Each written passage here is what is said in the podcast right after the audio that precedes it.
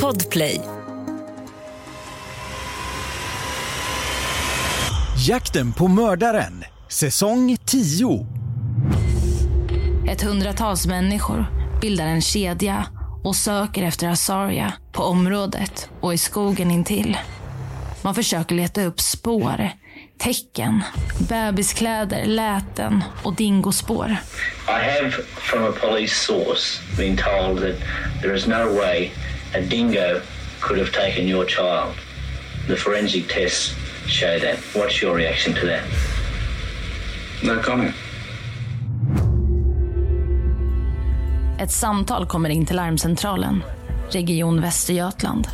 Det är en man som ringer och säger “Jag har käkat köttet från tjejen”.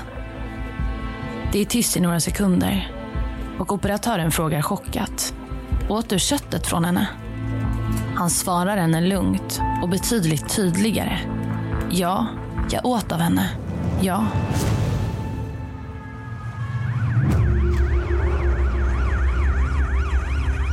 Poliskollegorna tittar på varandra. De går vidare runt i lägenheten. Martin går in i sovrummet. Där möts han av två stora ögon.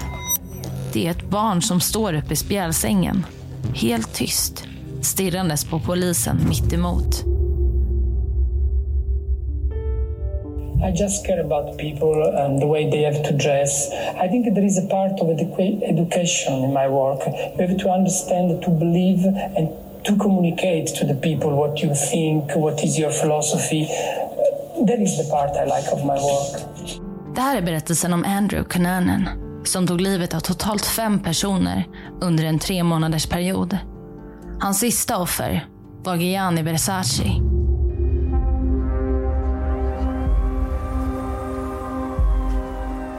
Polisen får in samtalet från grannar om skottlossning från en bil och funderar på om samtalet som kommit in bara en timma tidigare om den där galna taxichauffören kunde ha ett samband.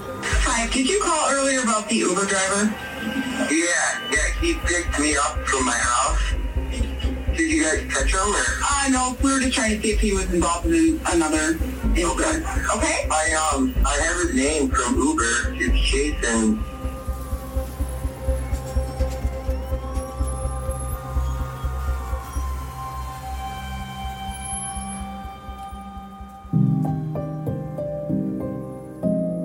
Torsdagen den 5 maj är podden tillbaka med en ny säsong.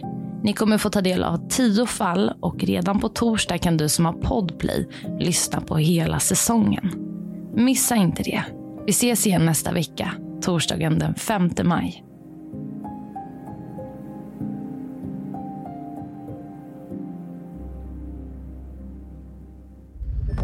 Podplay, en del av